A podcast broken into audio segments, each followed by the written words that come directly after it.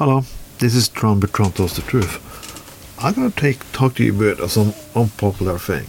Yeah, for many from the left, we have not been talking about how NATO is bad, how Russia is good, and how, yeah, it's a little hypocritical what Biden does when he criticizes Russia, when he bombed Iraq, he bombed Libya, and so on and so on. Yeah, I know the argument. I know that NATO should never done anything in Afghanistan.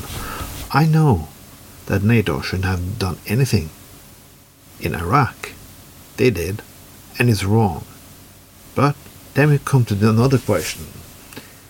Do you still want to be a member of NATO for Norway? And I say yes. Even if we are allies with Turkey. It's a very reason for that. We are a country with 5 million people. And sometimes countries are small are usually countries of interest for different fractions or big countries around them. We can never stand alone. And it's very, very easy to be optimistic and idealistic when you're on the left in the United States. But we know one thing. All the people on the left who think we are hypocritical, they don't know a fucking shit. Because they're on the top of the ladder. They are the people people living in most influenced country in the modern world, United States. So if they think they criticize us, I don't really care. And for another thing, if they come to power, it's not going to change anything. Every president in the United States, even the left or to the right or in the center and so fucking what, gonna do anything on the international scene to show that America is a mighty country. That we decide that we are putting things in order. So, what is difference between that and Russia? A lot. America is more democratic, Russia is not. Russia tried to invade other countries in Europe. It's a lot of bullshit saying among people on the left like Russia Russia freed us during the World War II. We wouldn't win the World War II if it hadn't been for Russia. Well, that is somewhat true, but half of Europe was under Russian influence and they were under hard communistic rule. They couldn't choose.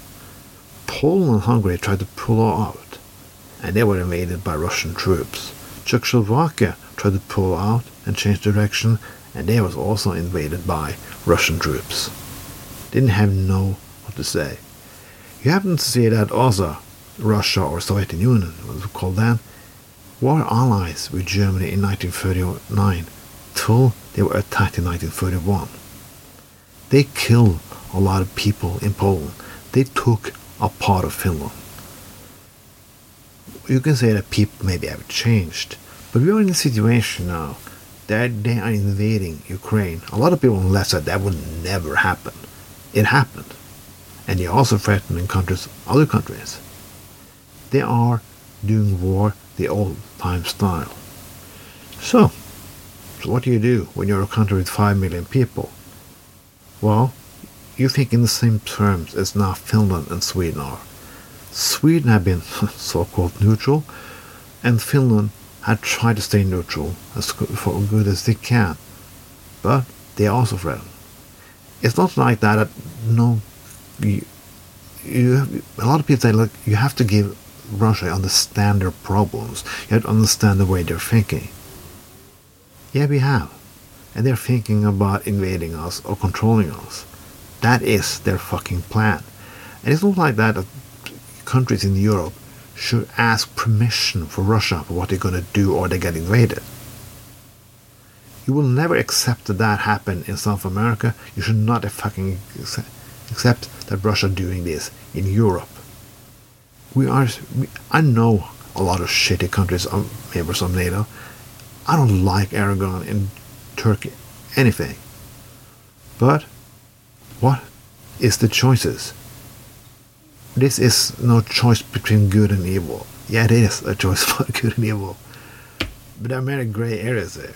So we have to choose what is best for our fucking country and how to survive as a democratic nation. Nation. The only thing we can do that is to be a member of NATO and wish Finland and Sweden welcome to NATO. This was John with Trump, that's the truth.